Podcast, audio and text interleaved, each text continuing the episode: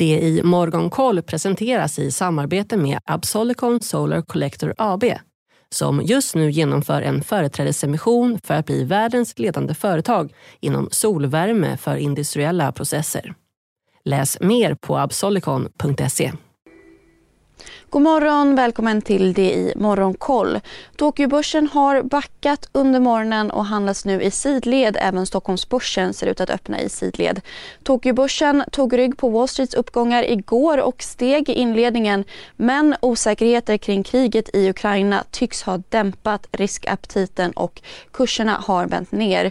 Inköpschefsindexet för japansk industri och tjänstesektor steg till 50,3 i mars från 45 5,8 föregående månad.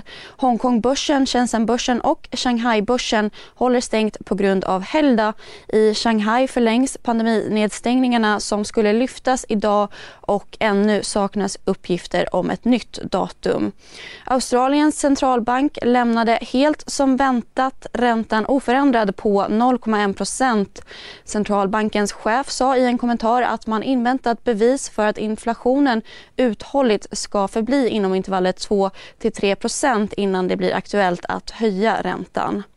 I USA stängde samtliga index på plus igår. S&P 500 var upp 0,8% och Nasdaq 1,9% Fokus under handelsdagen låg på den inverterade räntekurvan, kriget i Ukraina och Elon Musks senaste köp i Twitter. Elon Musk är nu storägare i bolaget med ett innehav om 9 med en värld i gungning blir det viktigare än någonsin med kunskap och diskussion. Att värna det fria ordet, för livet och demokratin.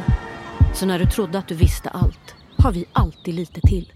Privata affärer plus allt. All journalistik du behöver, samlad. Prova en månad gratis. Av aktierna, Twitters aktie rusade 27 procent. Rysslands senaste kupongbetalning på en valutaobligation har stoppats. Det rapporterar Reuters.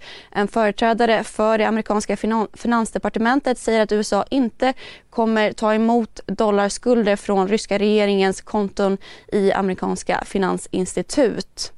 Under dagen ska EUs finansministrar diskutera nya sanktioner mot Ryssland och ett beslut väntas senare under veckan. Enligt uppgifter till CNBC är EU fortsatt splittrade om sanktioner gentemot rysk energi medan ett sanktionspaket sannolikt skulle begränsa leasing av flygplan samt import och export av produkter som flygbränsle, stålprodukter och lyxprodukter. Enligt EUs e- ekonomikommissionär bör euroländer inte dra förhastade slutsatser om att en recession är på väg med hänvisning till att det är osäkert om det blir ett fullt energiembargo, hur länge kriget pågår och hur förtroendet påverkas hos hushåll och investerare samt hur globalt störningarna blir. Dystrare tid spår dock Danske Bank i sin senaste prognos för svensk ekonomi. Banken sänker tillväxtprognosen och varnar för att högre inflation och räntehöjningar slår mot hushållens köpkraft. Banken spår nu att Riksbanken kommer att höja räntan två gånger under året. På agendan idag väntas tjänste-PMI från både Sverige och USA. Missa inte heller Börsmorgon klockan 8.45. Trevlig dag.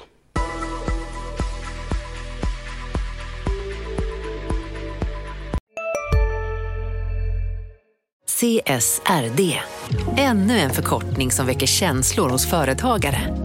Men lugn, våra rådgivare här på PWC har koll på det som din verksamhet berörs av.